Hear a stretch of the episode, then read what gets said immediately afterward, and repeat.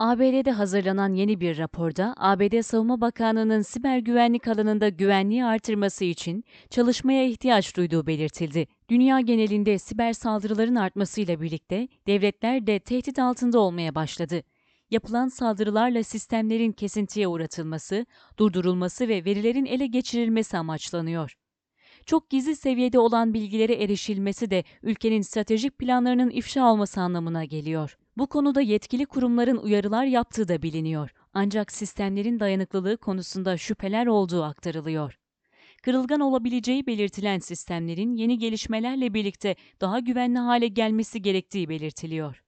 Söz konusu dayanıklılık için üç önemli konu işaret ediliyor. Bunlar sağlamlık, cevap verilebilirlik ve uyumluluk. Sağlamlık için sistemin bozulma etkisini yok etme yeteneği, cevap verilebilirlik için sistemin geri bildirim sağlaması ve uyumluluk için kesintiye rağmen çalışabilirlik olarak tanımlanıyor. Özellikle F-35 projesinde çok fazla teknolojik sistem yer aldığı için dayanıklılık konusu merak ediliyor uçağa ait sistemlerin korunarak dış tehditlere karşı güvenli olması gerektiği belirtiliyor.